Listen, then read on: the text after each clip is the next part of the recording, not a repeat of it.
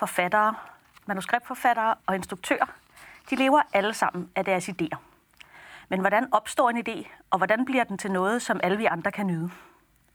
Det her program, det handler om idéer. De gode og de dårlige. Dem, der forløses på et øjeblik, og dem, man arbejder på et helt liv. Velkommen til Idéernes Holdeplads.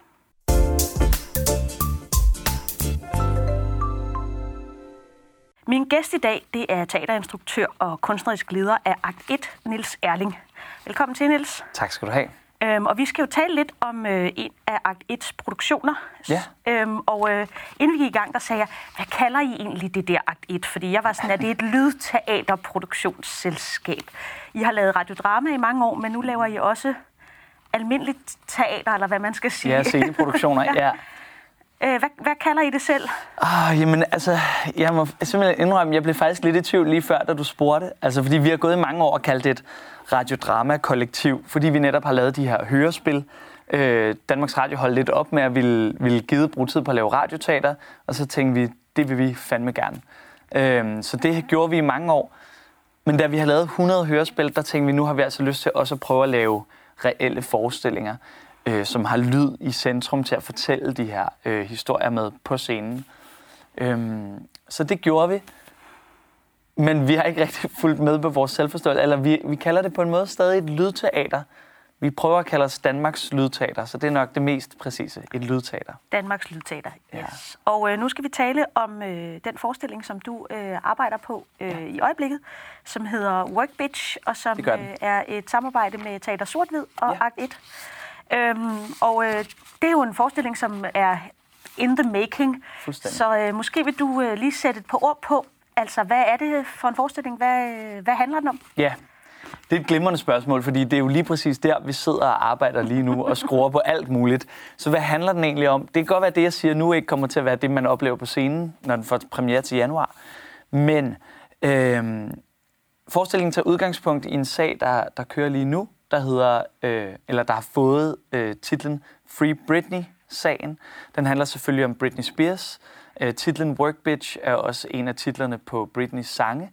Øh, og øh, det, der er sagen kort fortalt, er, at øh, siden den famøse, eller infamøse øh, ligesom skandalesag i 2007, da Britney klippede alt sit hår af og smadrede en paparazzi-fotografs bil og øh, drak for meget og ligesom var ude af kontrol, der blev hun lagt i et juridisk formynderskab øh, af sin far. Og øh, det er en ordning, som egentlig kun bliver brugt for meget svært demente eller mennesker med et så stærkt handicap, at man vurderer, at de ikke er i stand til ligesom at tage vare på sig selv. Øhm, og det var den samme ordning, man brugte øh, på Britney øh, til ligesom at fratage hende selv muligheden for at kontrollere sit eget liv. Øhm, og det, der bare er sagen eller forskellen på en meget svært dement eller en, en meget stærkt handicappet, er jo, at, at de kommer ikke til at få det bedre. Altså, de, de kommer ikke til at komme tilbage til livet i en tilstand, så de kan øh, tage vare på sig selv.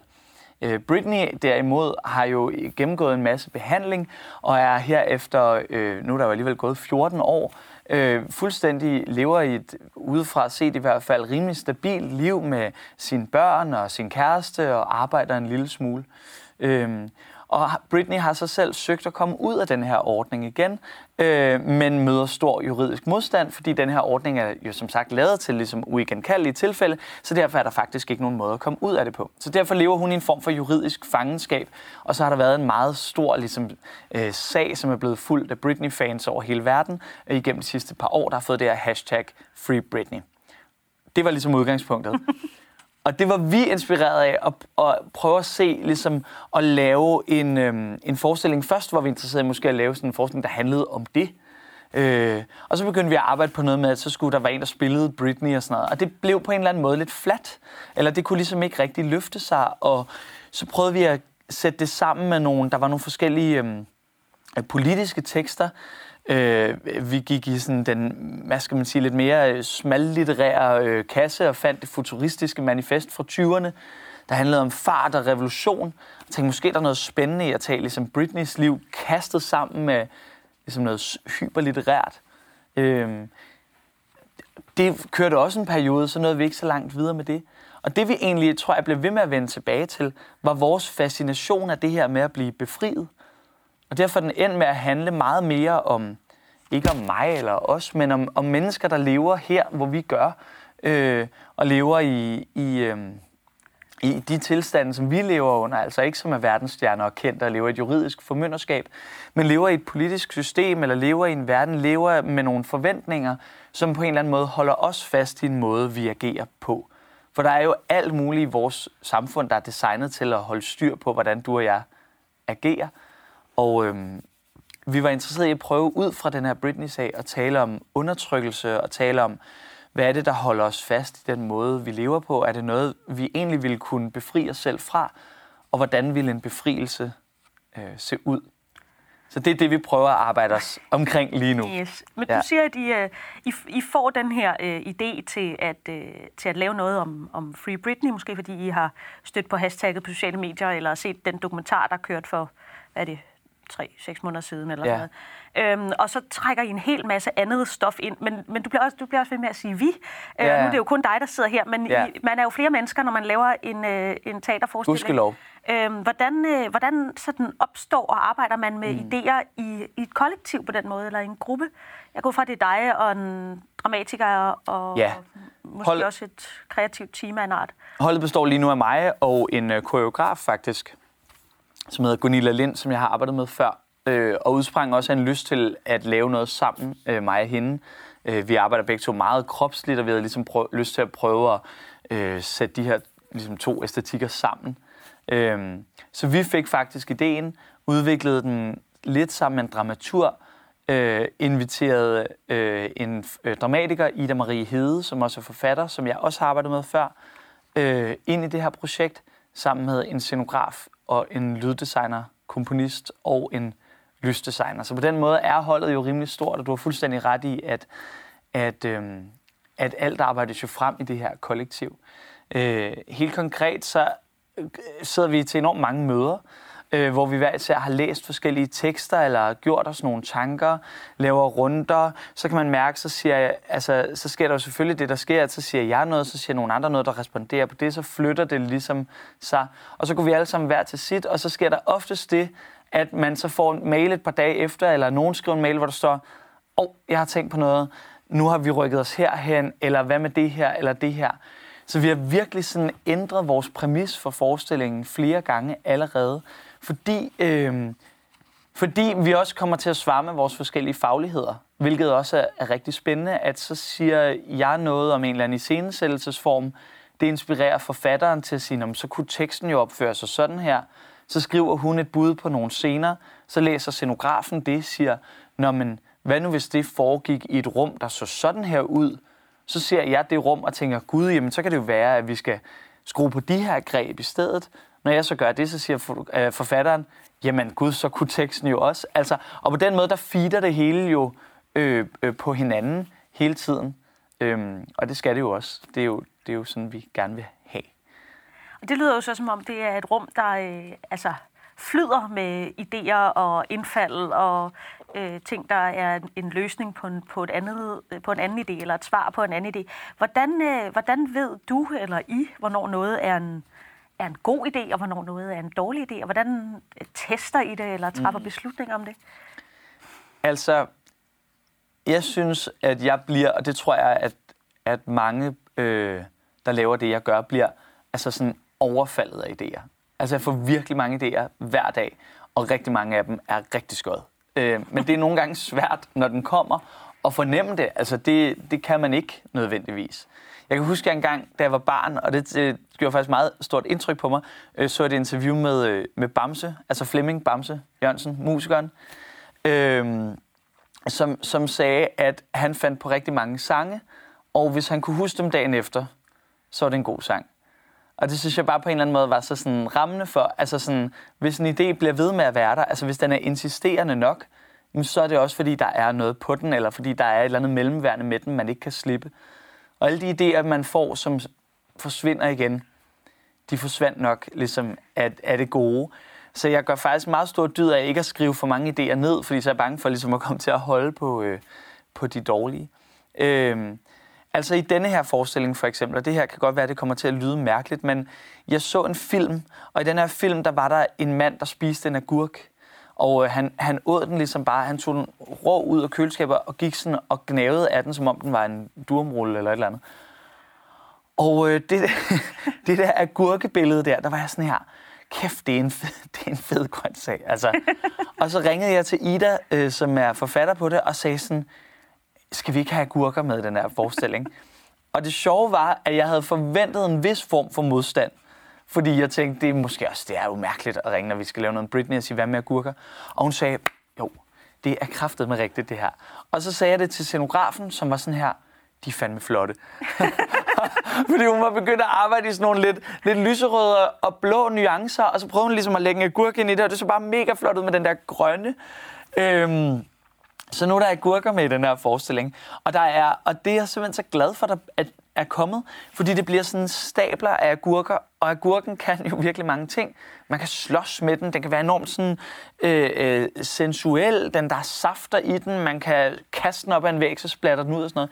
Så vi ledte på en eller anden måde, uden at vide det, efter øh, et stof eller et objekt, der sådan kunne noget øh, og som ikke var direkte linket til Britney. Altså hver gang vi tager noget, der har med Britney at gøre, ind i det her rum, så bliver det på en eller anden måde for en til en. Altså hvis de har et, et, en Britney-t-shirt på, så kan man sige, ja, det er jo Britney. Altså, ja, eller en, en mikrofon, eller noget, der ligesom... Mikrofon, ja. eller ja, altså...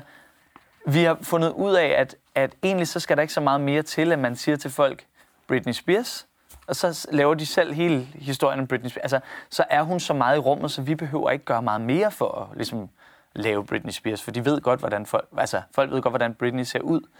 Øhm, så agurken kunne ligesom noget andet. Øhm, og, og det, der lige så godt kunne være sket her, øh, var jo, at dramatiker, scenograf, koreograf havde sagt, det forstår jeg ikke. Eller hvad i alverden. Det er for mærkeligt. Og så måtte jeg jo måske have kæmpet for den idé. Men altså, nogle gange sker det jo, at man siger noget, og så er der en eller anden form for sådan resonans i det som gør, at øh, den her idé ligesom bouncer videre. Og, og jeg er meget fascineret af, hvad det er, og hvorfor det er, man nogle gange kan læse hinanden. Hvordan kan det være at nogle gange, at, at en scenograf kommer med et eller andet og siger, er det her ikke det fedeste i verden? Og så har jeg den slet ikke.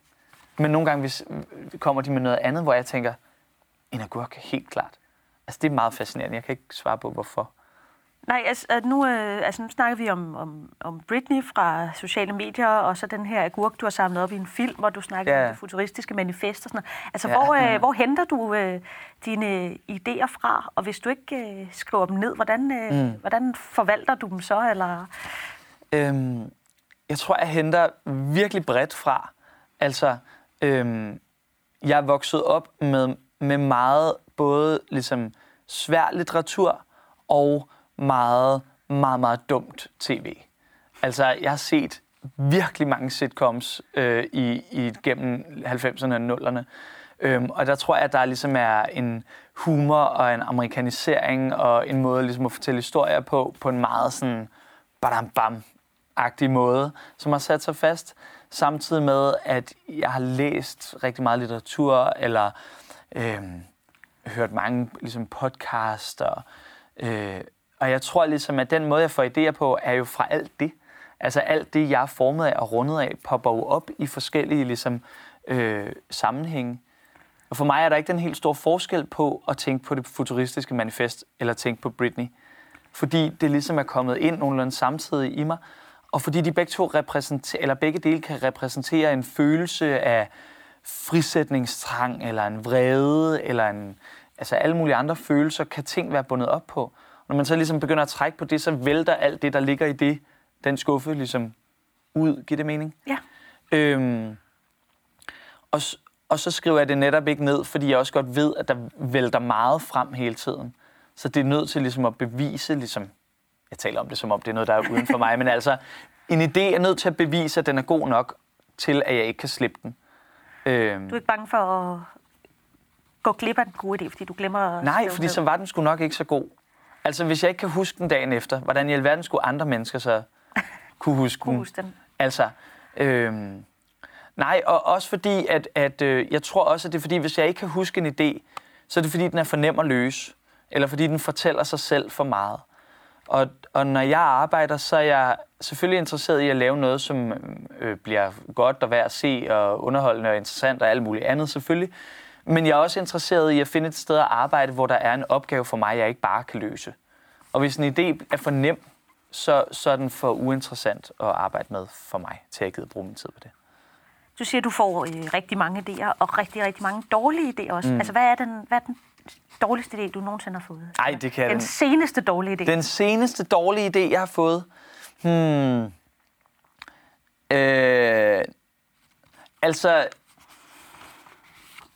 det, det, er jo også, det er jo også pinligt ligesom at begynde at tale om.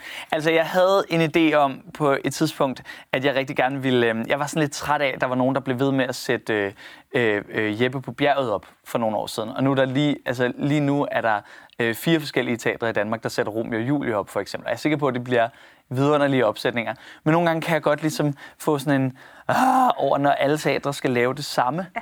Øhm, så havde jeg en idé, og den bliver desværre ved med at poppe op. Det kan være, at jeg skal lave den på et tidspunkt. Jeg havde en idé om, jeg ville lave en forestilling, der hed Vi slår Jeppe ihjel. Øhm, hvor alle mandlige skuespillere, eller kvindelige for den sags skyld, blev inviteret til at komme og spille Jeppe på bjerget i en maratonforestilling. Og så kunne alle ligesom komme op og spille halvandet minuts Jeppe på bjerget, og så skulle de til gengæld gå direkte ud og skrive under på, at de ikke ville spille Jeppe på bjerget. Jeppe på bjerget igen de næste 30 år. øh, men det er, jo, det er en rigtig dårlig idé, fordi det er kun sådan en trodsig, lidt teenage-agtig øh, ting. Og i, i virkeligheden er det måske også bare, fordi jeg selv gerne også vil instruere Romeo og Julie på et tidspunkt. og ikke bliver spurgt om det. Øh, ej, men nogle idéer er født ud af, af et ligesom interessant mellemværende, og nogle idéer er født ud fra en, en trods, eller en... Øh, øh, jeg bliver provokeret over et eller andet, eller sådan noget. Det er jo ikke øh, interessant at arbejde med. Nej.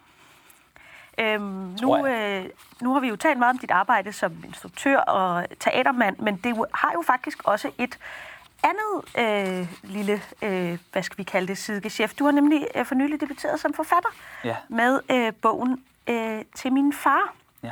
Og øh, hvordan... Øh, Hvordan kommer man som teatermand, der er vant til at arbejde med en masse mennesker, man kan mm. flytte rundt på, og deres meget, altså nu ser du selv, du er meget kropslig og sådan noget, pludselig på den idé at skrive en bog, som vel er noget af det mindst kropslige, man kan finde på? Ja, fuldstændig. Hmm. Øh, min far døde for et par år siden, øh, og var syg, og jeg sad hver dag ved siden af øh, hans seng, og var der, ligesom... Øh, og når man sidder ved siden af en, der er ved at dø, så er der rigtig, rigtig meget tid, hvor der ikke foregår noget. Og, og en gang imellem vågnede han op og sagde noget, så havde vi en meget lille samtale, og så døsede han ligesom hen igen. Øhm, og i de her momenter, der blev jeg meget bange for hele tiden, at det, vi havde samtalet om, eller det, vi havde talt om, var øh, den sidste samtale, vi kunne have. Øhm, så jeg begyndte at skrive ned, og jeg begyndte at skrive øh, alt ned, der skete. Og i starten skrev jeg kun ned, øh, hvad min far sagde, og hvad jeg svarede ham. Altså prøvede ligesom at gengive øh, samtalerne så rent, som jeg kunne. Og så øh, langsomt begyndte der at vokse flere ting ind i det. Øh, min mor var der også, mine søskende var der også. Deres samtaler kom også pludselig ind i den her tekst. Øh, pludselig øh, var der læger, øh, forskellige sundhedspersonale, som begyndte at vokse ind i den her tekst, og teksten voksede ligesom. Og øh, til at starte med, der, der troede jeg egentlig bare, at jeg gjorde det for min egen skyld. Og så på et tidspunkt, så begyndte jeg ligesom at kigge på det, og så tænkte jeg, måske skulle jeg omsætte det her til noget. Øhm, måske kan det her fortælle en historie, som, som er relevant for andre mennesker. Måske er der en historie om at miste, eller noget om at miste, som er øh, mere almengyldigt, end jeg egentlig tror. Det underlige er jo, øh, man sidder jo i en situation, som er fuldstændig øh, i princippet banal. At den skal ske for alle, vi skal alle sammen herfra. Og alligevel så føler man, at, at man sidder i noget, der er ekstremt unikt, som ingen vil kunne forstå. Og, øh, og jeg synes, det var interessant ligesom at prøve at arbejde med det her. Jeg troede så, at al den her tekst måske kunne blive til en forestilling, fordi det jo er den måde, jeg arbejder på. Jeg sætter ting på en scene. Øhm, og den idé, altså jeg havde lyst til at arbejde med materialet, men den idé, apropos, var virkelig sådan modstridig, at den strittede, altså, den strittede virkelig imod at ville blive til en forestilling, fordi jeg kunne ikke finde ud af, hvem der skulle være med i det kollektiv til at arbejde med det. Jeg kunne ikke finde ud af, selvom jeg holder enormt meget med rigt, af rigtig mange skuespillere, jeg har arbejdet med, eller scenografer, whatever, øhm, så tænkte jeg, de kan ikke være med i det her, for de ved ikke, hvordan der så ud. De ved ikke, øh, hvordan min far talte. Der er ikke nogen, der kan spille min far. Der er heller ikke nogen, der kan... Altså, skulle der så være en skuespiller, der spillede mig? Ja, det skulle der måske, men det, jeg, kunne, jeg kunne slet ikke, altså op i mit hoved, castet der finde ud af, hvem fanden skulle så spille mig? Og jeg kunne ikke finde ud af, øh, øh, skulle jeg instruere det? Øh, og så sige, nej, det blev mere sagt. Så, altså, øh, eller skulle en anden instruere det? Det synes jeg også var en helt absurd tanke. Så, så det her kunne ligesom ikke, det kunne ikke forme sig til en teaterforestilling for mig. Øhm, og så havde jeg pludselig al den her tekst, og så vidste jeg faktisk ikke rigtigt, hvad jeg skulle stille op med den. Øh, og så har jeg en, en god ven, der er forfatter, øh, og jeg prøvede at lægge al den her tekst foran hende og sige, hvad, hvad tror du, det her er? Øh, og jeg var egentlig rimelig åben for, at hun kunne sige, Nå, det er måske en film, eller det er måske... Og så sagde hun bare sådan, du har jo skrevet en roman. Og så sagde jeg, what? Jeg har skrevet en roman? Jamen, det kan jeg jo slet ikke. Jeg er jo ikke forfatter. Øh, så sagde hun, det har du gjort, og nu synes jeg, vi skal arbejde på den, som om det er en roman. Og så satte vi det arbejde i gang. Og for dag besluttede jeg mig så for, at det var en roman. Og på en eller anden måde var det også det perfekte, jeg havde søgt, fordi det var en måde at arbejde på med materialet, hvor det kunne få lov at stå som det, det var. Ja. Og hvor der kun var, man kan sige dig, og så en afstand og en læser. Eller en Præcis. Ja. Hvor det ikke skulle ligesom forstørres af kroppe, som ikke var de rigtige kroppe. Og, og også fordi teater er jo løgn. Altså det er det jo i sin grundform. Det er nogle, nogle mennesker, som ikke er det. De spiller, som går ind på en scene, som vi, altså, som vi har lavet til at ligne noget, der ikke er det, det er. Og så skal man som publikum ligesom sidde og kigge på den her store løgn. Og det er også en af de grunde til, at jeg synes, det er fantastisk at lave teater. For det giver en frihed til at sætte hvad som helst op på den her scene. Fordi når vi først er gået i gang med at lyve, så kan vi jo lyve os, hvor end det skal være hen. Men med det her havde jeg ikke lyst til at pakke det ind i løgn. Altså jeg havde lyst til, at det her skulle stå så sådan rent som muligt. Øhm, og på den måde tror jeg egentlig, bogen var, var rigtig for mig. Ja. Der. Så øh, afslutter vi jo øh, det her program med at, øh, at øh, lave en opslagstavle øh, til forfatteren Salman Rushdie, som øh, ja en gang på øh, Luciana Literature, tror jeg, der var efterlyst en opslagstavle, hvor forfattere kunne slå idéer op, de ikke selv kunne forløse. Ja. Så kunne andre forfattere ligesom øh, hente dem ja. og gå i gang med dem. Og vi har så udvidet det til ikke kun at øh, gælde forfattere, men øh, hvis nu øh, du skulle slå noget op på vores øh, virtuelle øh, opslagstavle, ja. øh, som kun øh, er mellem os og seerne, hvad, øh, hvad vil du så slå op? Hvad kunne du godt tænke dig, nogle andre lavede? Altså, jeg har faktisk en idé, som jeg har haft i måske 10 år og jeg har prøvet at realisere den alle mulige steder, men den er alt for dyr, så jeg kan i hvert fald ikke komme igennem med den, og jeg er heller ikke sikker på, at det nødvendigvis er mig, der skal lave det her. Men jeg gad så godt lave en kæmpe teaterforestilling baseret på øh, Martin A. Hansen, en gammel forfatter, øh, novelle Agerhønen. Agerhønen handler om sådan et lille øh, husmandssted, hvor de sidder, de er super fattige, og øh, faren skal afsted i krig igen. Altså ren armod, de har det så dårligt. Så pludselig er der en lille agerhøne, der flyver mod deres dør. De hører sådan et bum på døren. De er skide bange, fordi de tror, det er folk, krigen, der kommer for at tage faren. Men så er det en lille fugl, der er fløjet ind, og pludselig så vender hele den her stemning, og de finder de sidste kartofler, og de lægger en du på bordet, og de altså, øh, finder den lidt frossen persille, og sådan noget. Så har de sådan et festmåltid, må man forstå, som måske bliver deres sidste, fordi de er så fattige.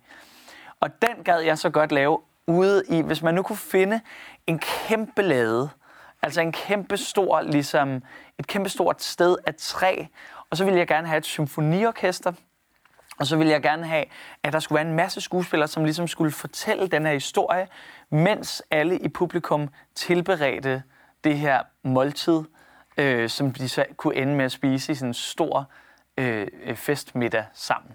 Men det, der er hagen, er, jeg gad så godt vide, fordi det kommer som en stor ligesom, chok for, for familien, at den der agerhøn er der, så gad jeg så godt have, at det var en overraskelse for folk, at der var ligesom alt det her symfoniorkester og mad og så videre. Og det ville gøre, nu går jeg ind i de produktion, produktionsmæssige ting, det ville gøre, at det ville være nødt til at være en... Billetten kunne ikke koste det, den egentlig skal koste. Fordi Nej. hvis man egentlig skal betale for alt det, så er den ret dyr. Jeg gad godt, at, man, man lidt, at det lidt kom bag på folk, hvad det var, de var til. Så man købte en billig biografbillet, og så kommer man ind til... Øh, en kæmpe total oplevelse, ikke? Altså, jeg sad lige og kiggede på Koncerthusets program, og de skal jo lave sådan noget øh, Verdis Requiem. Der er jo 200 mennesker på scenen, så jeg tænker, det, må ikke, det kan jo ikke være helt umuligt at lave sådan en total teateroplevelse med et symfoniorkester og en masse skuespillere og ovne og fade og kartofler osv. Men jeg har prøvet at, at, at, at tage den her idé til alle mulige teatre. Jeg vil sige, den er ikke blevet samlet op endnu. Nej. Men nu har, vi, nu har vi lagt den derud til, til alle. Ja. Så hvis nogen øh, har en lade og et symfoniorkester, og gerne vil lave det til billetpris 60 kroner. Så vil jeg vildt gerne komme og kigge Fedt. på det. Ja. Men øh, tak for i dag, Niels. Og tak for i dag. Tak fordi jeg måtte komme. Og tak til jer derhjemme. Vi ses næste gang.